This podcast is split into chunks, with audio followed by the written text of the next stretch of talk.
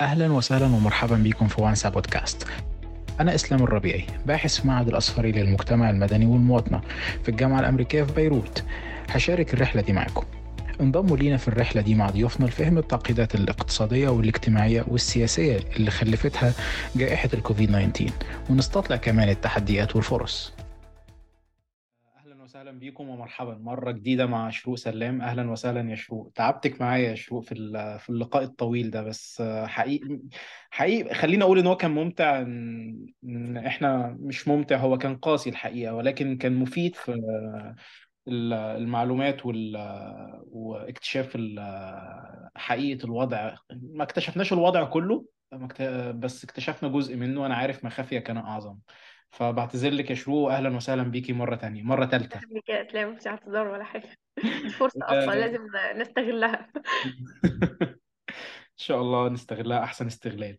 في الجزئين اللي فاتوا اتكلمنا عن السجناء أثناء الجائحة وانتهاكات حقوقهم واتكلمنا عن آه، ال- الانتهاكات اللي بيتعرض ليها يعني خلينا نقول كل الناس كل الناس يعني حتى الناس التيك توكرز اللي بيعملوا فيديوهات هزار من أجل الهزار.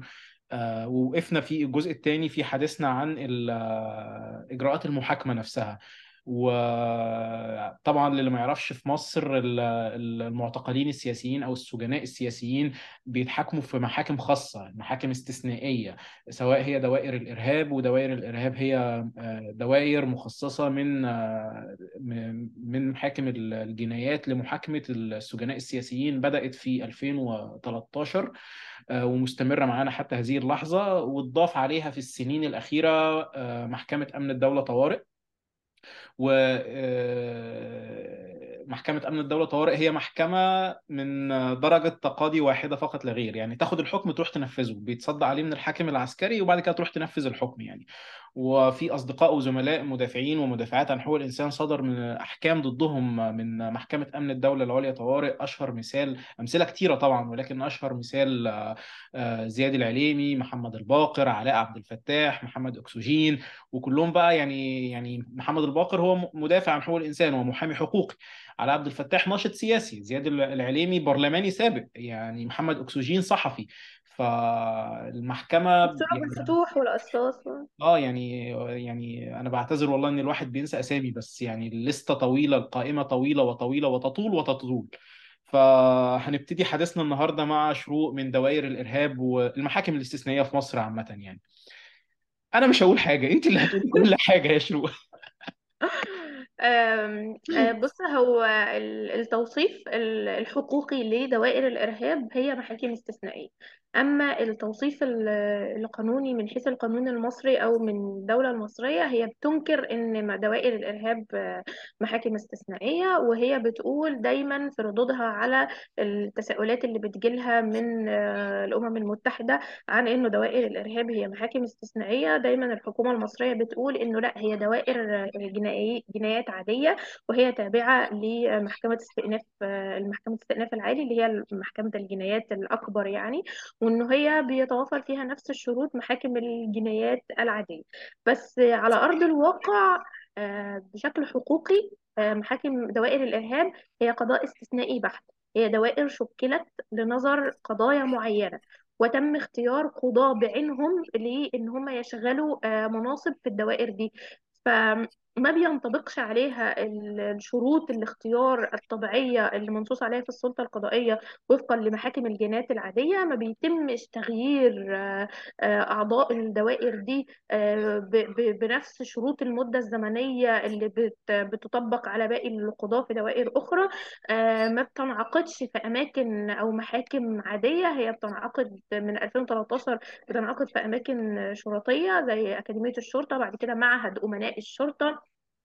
بعد كده مؤخرا آه، ده انتهاك آه، عفوا على المقاطعة يا شروق بس دوت في حد ذاته انتهاك لأن كده القضاء فقد حيادي- حياديته ونزاهته واستقلاله لأن انت بنت- بالظبط. انت انت بتنظر القضية داخل مكان شرطي.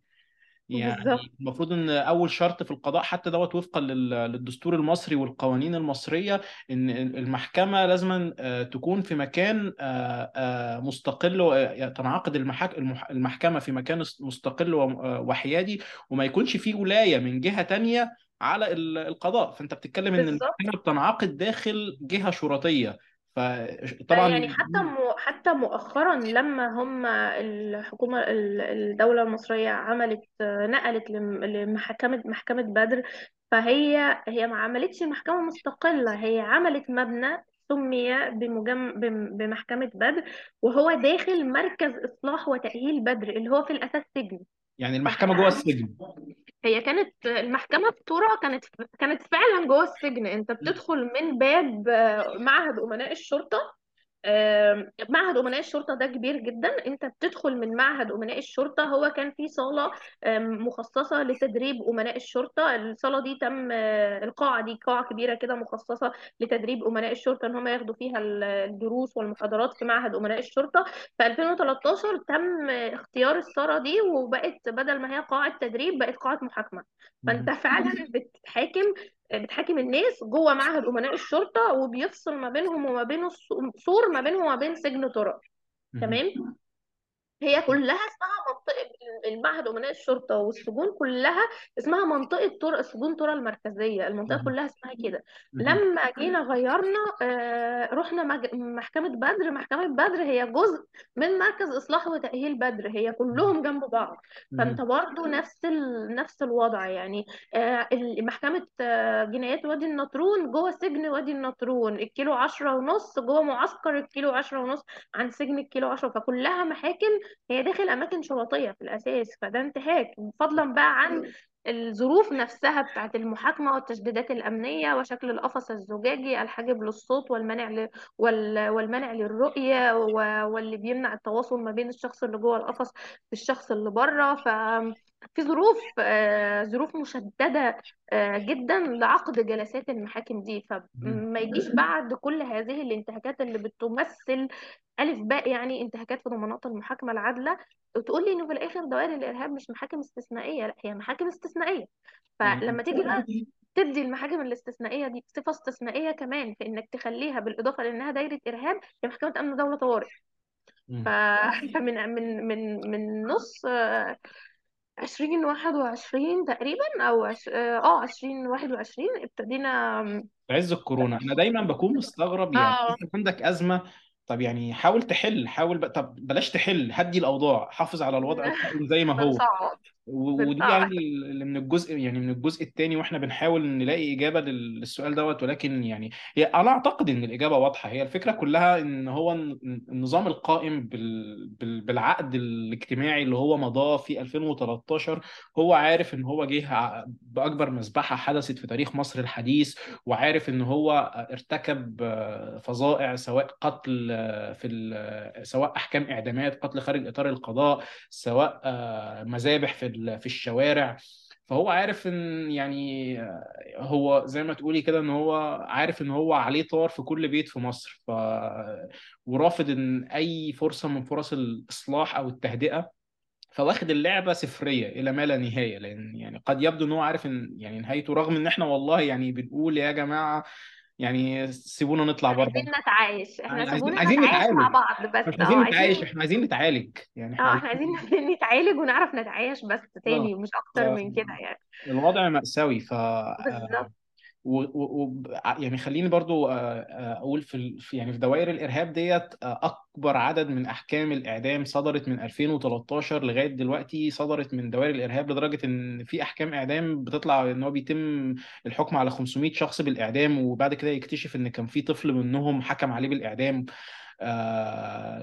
أحكام الإعدام التصاعد في وتيرة أحكام الإعدام دي خلت مصر رقم ثلاثة عالميا في إصدار أحكام الإعدام بعد دول يعني ليها تاريخ حافل في عقوبة الإعدام زي روسيا وزي الصين. آه، وزي إيران وزي باكستان. وزي السعودية فانا فاكر إن من 2013 مصر كانت كل سنة بتترقى مرتبة يعني في مم. 2013 مصر كانت السابع أو السادس عالميا لغاية لما وصلت آه، من آه، من سنتين من 2021 مصر أصبحت الثالث عالميا في إصدار أحكام الإعدام آه، أحكام الإعدام ديت معظمها معظمها 90% منها بتكون أحكام إعدام سياسية مسيسة مفيش أي حاجة من ضمانات المحاكمة العادلة تضمن إن الناس ديت آه، تلقت محاكمة عادلة آه، وإن أحكام الإعدام ديت آه، خضعت مثلا لدرجة تقاضي أولى ودرجة تقاضي ثانية في في ناس اخذت حكم إعدام من درجة واحدة آه، وتصدى عليه من الحاكم الحاكم العسكري. قضية مارمينا أظن. آه، و اسمها مينا في حلوان. امم فال ده ال- ال- الشكل العام اللي بيحصل في دوائر الإرهاب أنا بس بحب أدي شوية تفاصيل عشان أتمنى هو اصدقائي لا من كمان بره هو كل ال- اللي أنت من. بره مصر يعني بالظبط. لا كل اللي أنت بتقوله دوت وبعدين بن... بنلاقي إنه الدولة المصرية بتقول لك لا دوائر الإرهاب مش دوائر استثنائية. طب أمال إيه بقى اللي طب فاضل إيه عشان يحصل؟ عشان نقول إن هي استثنائية. يعني فاضل إيه اللي ما... فاضل إيه ممكن يحصل عشان نقول إن الدوائر دي القاضي دوائر نفسه استثنائية؟ يعني بالظبط. القاضي نفسه وانها مش داخل. إنه الشخص مش بيتحاكم أمام قضية طبيعي اللي هو أبسط حقوقه وفقا للدستور إن هو يحاكم أمام قضية طبيعي. هو لأ هو ما حكمش قدام قضية طبيعي إن كل الأحكام اللي بتخرج من دوائر الإرهاب هي أحكام بيشوبها انتهاكات ضمانات المحاكمة العادلة. هي لا تعد أحكام آه، محايدة هي لا تعد أحكام حقيقية. فبالتالي إنه الناس لما بتيجي آه، تطعن عليها بره أو بتقول إن الأشخاص دي ما تحكموش وفقا لضمانات المحاكمة العادلة أو وفقا للقانون إنه ده ده ده أقل حاجة ممكن تقال في أحكام بالشكل دوت وبتصدر من م- مش محايدين وقضاة مسيسين في آرائهم وأحكامهم بال- بالشكل ده. وعلى فكرة بيصرحوا بال آه الأحكام نفسها يا شروق. الأحكام نفسها في ديباجة الحكم الراجل القاضي بيقول رأيه السياسي بصراحة يعني بالظبط اللي هو يعني الحكم هيتنقض بسبب اللي أنت قايله بس في الديباجة مش في الحكم لأ أنت إحنا إحنا أنت, لسه ما وصلتش يعني وخ... يعني الواحد مش عا... يعني يعني القضايا و- وغير كده بقى إنه تم إحالة انه في 2021 في النص الثاني الناس اللي اتحالت قدام محكمة أمن ال- ال- اتحالت محاكمة أمام محكمة أمن الدولة طوارئ. هو هو بس ال- ال- ال- اللي أنا عايزة أشرحه إنه ما فيش محاكم مخصصة اسمها محاكم أمن الدولة طوارئ. هو يمكن إنه آه، أي دائرة أي دائرة جنايات أو جنح عادية تنظر قضية باعتبارها محكمة أمن دولة طوارئ. في القضية دي فقط. تمام؟ فأنت ممكن تلاقي إنه القاضي عنده مثلا 100 قضية في اليوم ده القضية بس السياسي اللي محالة ليه زي قضية سمير أو باتريك أو أحمد سمير صنطاوي أو باتريك أو آه، زياد العليمي والقاضي بكل القضايا اللي نظرها في اليوم دوت هي نظرها باعتباره قاضي جنح عادي بس جه في القضية بتاعت آه، زياد العليمي ونظرها باعتباره آه، محكمة أمن دولة طوارئ تمام؟ فبالتالي الحكم اللي بيصدر منه في القضية دي هو غير قابل لل- للنقد هو من درجة تقاضي واحدة. آه، نفس الكلام حصل مع دوائر الإرهاب. فأنت دوائر الإرهاب في الأساس هي محاكم جنايات آه، استثنائية.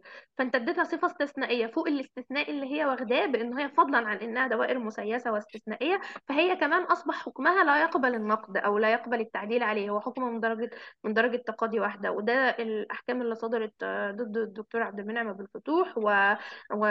والن- اللي هو في الأساس ده رئيس حزب مؤسس حزب قانوني آه، حزب ما كانش فيه بينه وبين السلطة أي مشاكل ونائبه محمد القصاص وبتنتظر الأستاذة هدى عبد المنعم آه، و وعائشة الشاطر وغيرهم آه، نفس الأحكام آه، ديت في شهر مارس الجاي. اتحكم فيها برضو على عدد من الناس اللي نزلت تظاهرات في 20 سبتمبر 2019 برضو اتحكم عليهم من نفس المحكمة بدرجة تقاضي واحدة.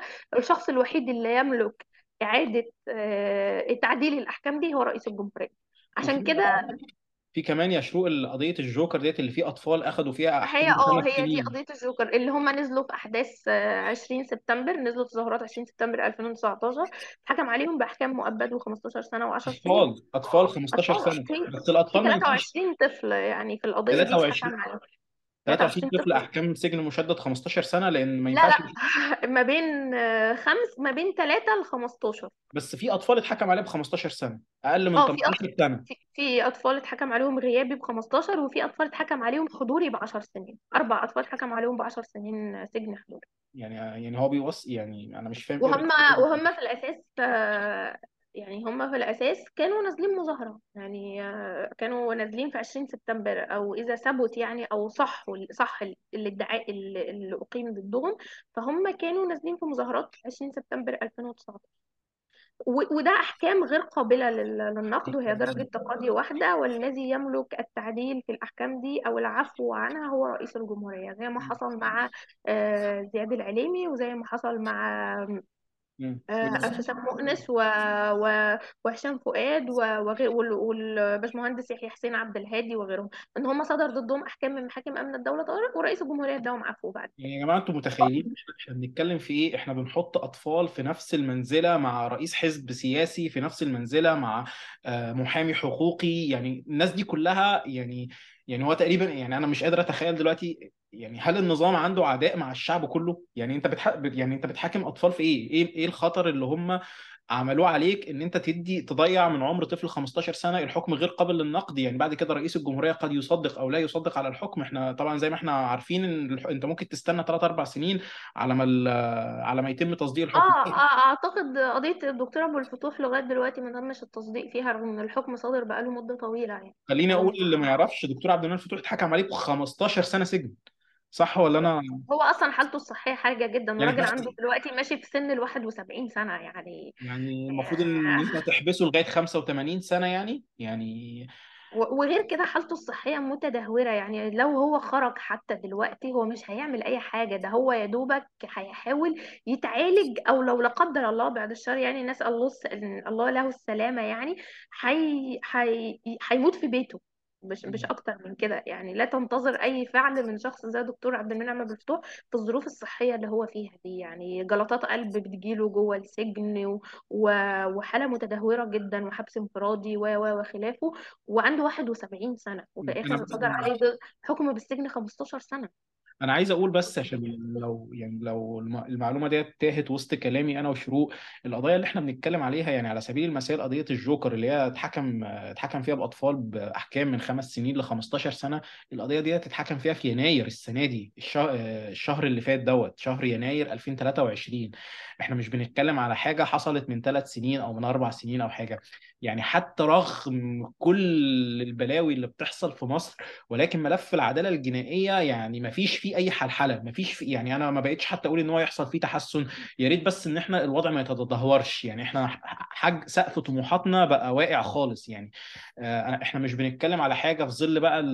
يعني أنت عندك أزمات وعندك الاحتياطي وعندك سعر الصرف بينهار وعندك وعندك أزمة اقتصادية وعندك آه، مش عارف آه، بتدور تشتري منين آه، مش عارف آه، قمح ولا فول علشان ال- ال- الرصيد اللي عندك يكفيك ثلاث شهور بس أو أي حاجة ومنشغل بقضايا زي كده إن أنت تحاكم أطفال إن أنت تحاكم ديت.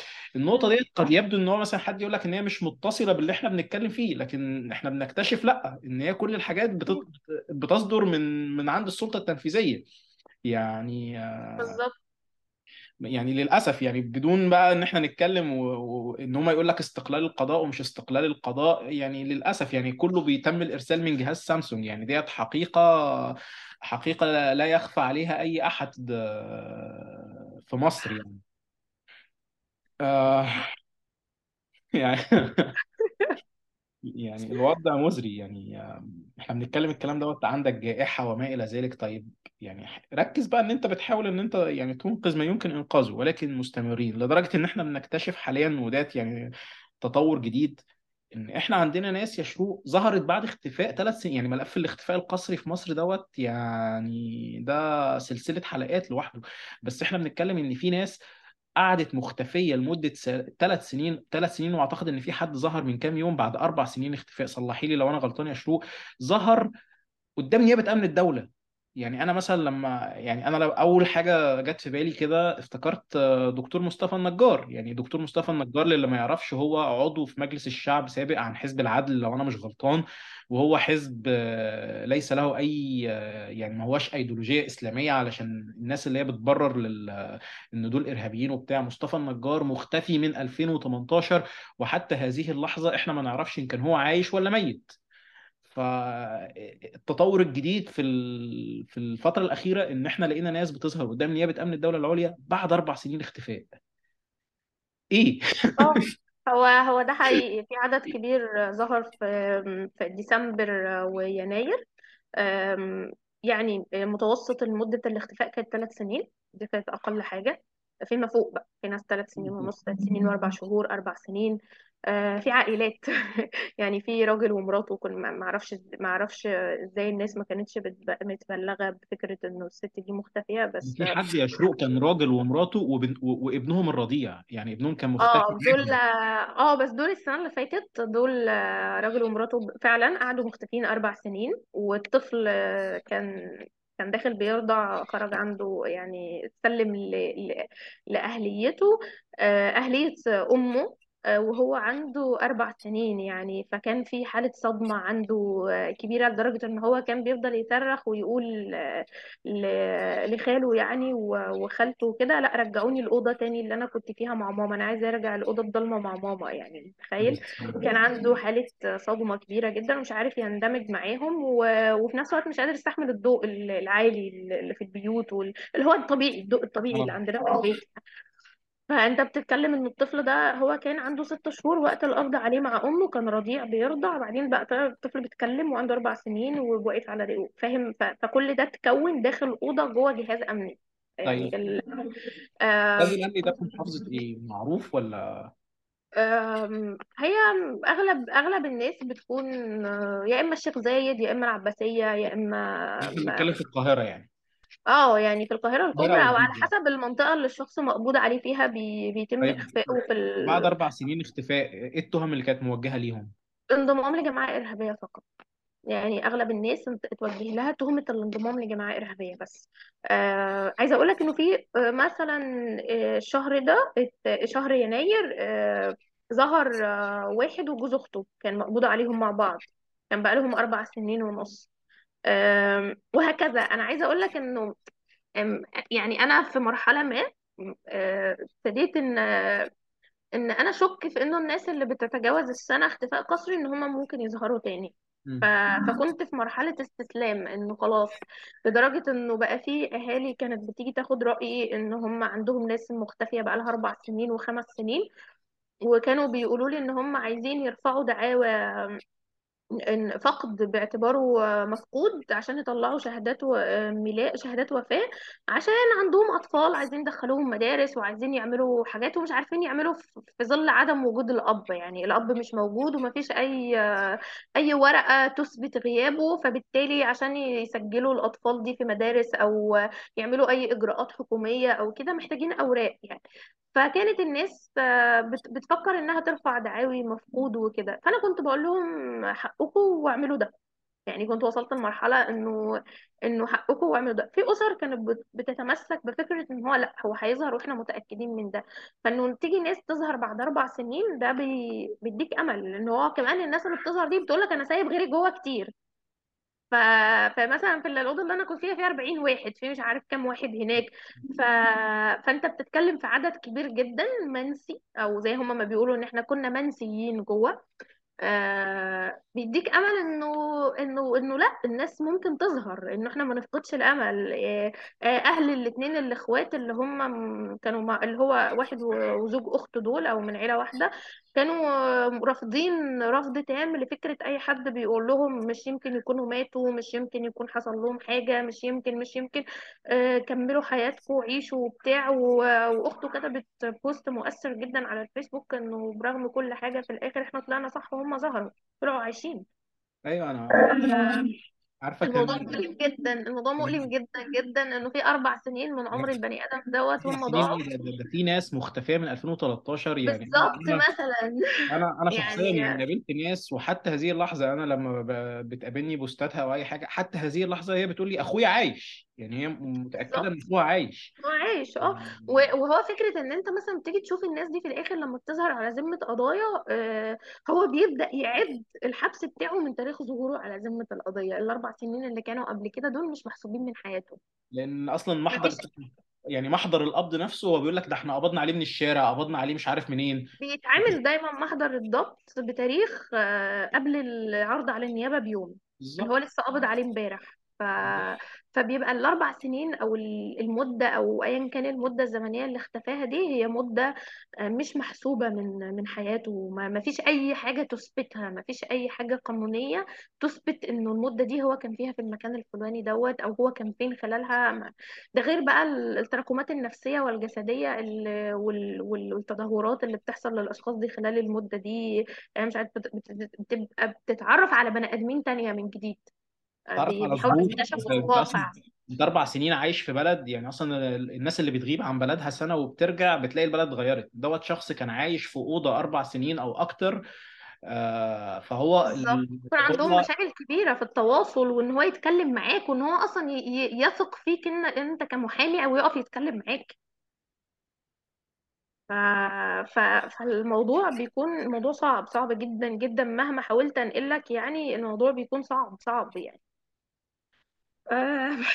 دي بس في نفس الوقت إنه الناس بتبص للجزء الإيجابي اللي هو زي ما إحنا بندور دايما على الحاجة الأسوأ ال... أو أوحش الوحشين زي ما بنقول أو اللي هو إيه إحنا بن... بن... بن... بندور على الجزء اللي هو طلع عايش ما ماتش. فأنت عارف الناس بت... بت... بترجع تقول كده اللي هو إيه ده طلع عايش طلع موجود ما ماتش. على الأقل إحنا عارفين مكانه فين و... و... ومحبوس في أنهي سجن بدل ما كنا مش عارفين عنه أي حاجة. فأنت بص أنت عارف إحنا وصلنا لمرحلة عاملة إزاي؟ يعني أنت متخيل الحالة اللي إحنا كده بيحصل خالص يعني يعني آه بالظبط اللي هو أنا من شوية كنت بقول لك سقف طموحاتنا متدني لأ ده السقف وقع علينا أصلا. بالظبط ما في سقف إيه بس؟ السقف ده واقع علينا من زمان. أنت دلوقتي أقصى طموحك إنه الشخص يخرج وما يتضو... يتخلي سبيله وما يتمش تدويره على ذمة قضية تانية. إنه يطلع بدل اختفاء قسري بدل ما يروح بيته آه لا إن هو بدل ما يختفي قسريا لا أنا عايزه يظهر بسرعة و... وإن أهله يبقوا مطمنين عليه وعارفين مكانه ومحبوس فين. فالمعايير وال... والأولويات حقيقي حقيقي بتنهار. يعني إحنا وصلنا لمرحلة طب مرحلة يعني مش بائسة إحنا لبسنا في حيطة سد. يعني ف... فالوضع الوضع صعب. لما تيجي تتكلم مع المحامين بقى اللي بيحضروا معاهم يقولوا لك أنتوا مش متخيلين فرحة الأهالي دي كانت عاملة إزاي بإن أنت قلت لهم ابنك ظهر. مم. أو ولادكم عايشين ما ماتوش. هم أصلا لسه هيفتحوا رحله جديدة بقى من الزيارات آه وال... بالظبط. إحنا لسه بقى هندخل في الدايلاما الجديدة بتاعت الاحتجاز والسجن وال... اللي هو أصلا ما إحناش عارفين ممكن ينتهي إمتى يعني. مش يعني ال- الوضع الوضع مأساوي مأساوي مأساوي. يعني أنا أنا والله فاكرة حالة كنت حضرت معاها في 2019 كان أب و- آه، والراجل وزوجته اتقبض عليهم وسابوا ولادهم الصغيرين آه، لأبوهم. أبوهم راجل كبير وكان مختفي اختفوا ست شهور بقى. ف. يعني ال- الوضع ساعتها أبوه لما عرف أبوها لما عرف إنه هي ظهرت البنت هي وجوزها آه، ودول كانوا ست شهور يعني كانوا ست شهور كان في حالة خلتني أنا قعدت على السلم بتاع النيابه وقعدت أعيط وأنا بكلمه في التليفون وبقول له أنا قعدت على سلم النيابة يوم وفضلت أعيط من كتر الحالة النفسية اللي أنا كنت فيها وهو كان فيها. تخيل بقى ناس بقى لها سنين بقى لها سنين سنين طويلة. ناس آه، قررت إنها مدى صعوبة أصلا إنه شخص يروح يقدم للمحكمة يقول لها طلعي لي شهادة وفاة إن الشخص المفقود ده ميت عشان أعرف بس أكمل حياتي في البلد ال- بتاعة الأوراق دي. ده صعوبة ده على نفسيته بشكل عامل إزاي؟ وبعدين تكتشف إنه الأشخاص دي كانت عايشة. أنا عايز أسأل سؤال يعني يبدو إن هو سؤال سؤال سخيف حقيقي بجد. في أي معلومات ده ده على الهامش خالص. بس هل في أي معلومات من الناس اللي هي كانت مختفية أربع سنين أو أكتر؟ الناس ال... كانوا بيتعاملوا معاهم إزاي أثناء كورونا؟ ولا ديت أصلا يعني مش على سلم الأولويات؟ يعني يتنيل على عينك أنت متكلبش ومرمي في الأرض لغاية لما نشوف لك صاحب. هو هو هو للأسف هو من ساعة ما بيدخل كل الناس بتقول إن هي مثلا بيتم التحقيق معاها مرة مرتين وبعد كده بيسيبوهم في أوضة آه، يدخلوهم الحمام مرة أو مرتين في اليوم وشكرا كده محدش بيتواصل معاهم نهائي وهم قاعدين طول السنين دي جنب بعض كده مترصصين في أوضة مقفولة. ده أغلب كلام الناس اللي بتقوله بتقوله في ال- في التحقيقات في النيابة. وده من زمان على فكرة من من زمان من من 2017 و19 ودايما دايما دي الطريقة إن هم بيحطوهم كلهم في أوض يدخل لهم الأكل م- في ناس بتبقى متغمية عينيها في ناس ممكن ما يكونش عينيها متغمية. آه بس لكن بيفضل جوه الأوضة دي لغاية ما ي- في ضابط يقرر إنه يعرضه على النيابة. ما فيش أي دي هي هي نفس ال- الطريقة في كل ح- في ظل كورونا قبل كورونا بعد كورونا هي هي نفس الطريقة. بس. والله الواحد مش لاقي حاجة مش لاقي حاجة يقولها. يعني رغم إن الواحد بيبقى عارف ال- التفاصيل ديت ولكن دايما بتصدمه. كل مرة لما يبتدي يسمع تاني كل مرة يرجع يتصدم تاني. واللحظة اللي الواحد بيظن فيها إن آه، جدته نحست بال- بالمصطلح المصري بيكتشف لأ لسه إن هو في سقف جديد ال- النظام المصري آه، مستمر إن هو يبهرنا بيه. أنا بالظبط وإحنا للأسف ما بنملش من التعاطف مع القضايا الإنسانية زي ما كان في حد بيقول قبل كده اللي هو لا تمل من التعاطف مع القضايا الإنسانية حتى لا تفقد إنسانيتك. فاللي هو ما إحنا إحنا ما بنعرفش ان إحنا نمل من التعاطف بالحاجات دي أو ان إحنا نتأثر مش هقول التعاطف ان إحنا نتأثر بالحاجات دي وان إحنا كأن إحنا بنسمعها رغم انها متكررة بس واقعها علينا بيكون كل مرة كأنه أول مرة. أتمنى والله يعني يكون في أي انفراجه أو طبعا أنا ما كنت عايز أختم بالسؤال دوت بس أنا شايف إن هو سؤال قليل الأدب. أنا كنت عايز أسألك هل متخيله إن هو ممكن يحصل أي انفراجة أو أي أي حاجة أو ما أو ما العمل؟ بس أنا حاسس إن هو سؤال قليل الأدب الحقيقة يعني. أنا أنا شايف إن لا. أنا مش عارفة بالحقيقة ما أعرفش. أنا كان عندي أمل في شروق رفعت حواجبها للي ما شافناش آه. شروق رفعت حواجبها وسكتت؟ اللي هو مش آه، لك والله كان عندي أمل في في الحوار الوطني ولجنة العفو وكده بس على مدار تسع شهور دلوقتي من الحاجات دي أو تدشين الحاجات دي المؤشرات بتقول إنه إنه هذا الأمل أمل بائس الحقيقة. الأمل اللي كان عندي يعني هو أمل بائس يعني. و- وما فيش أي حاجة بتقول ما فيش أي حاجة بتقول إنه إنه في أي انفراج الحقيقة يعني نتمنى ما إن فيش أنا أي وأنتي مؤشرات لده أنا يعني أت- أتمنى إن أنا وأنتي لأن دوت برضو رأيي فأتمنى إن أنا وأنتي نكون غلط و... ونبقى أكبر اتنين طلعوا غلط ما عنديش مشكلة. أنا على قلبي زي العسل. آه والله عادي. آه. بس الناس أت- تخرج يعني. آه بس ذلك ف... ف... ف... ف... تمام. أنا متشكر جدا يا شروق وأتمنى إن شكرا أنا لك يا إسلام والله. يعني شكرا جدا تسلم. قلبنا مواجع كتير بس سامحينا.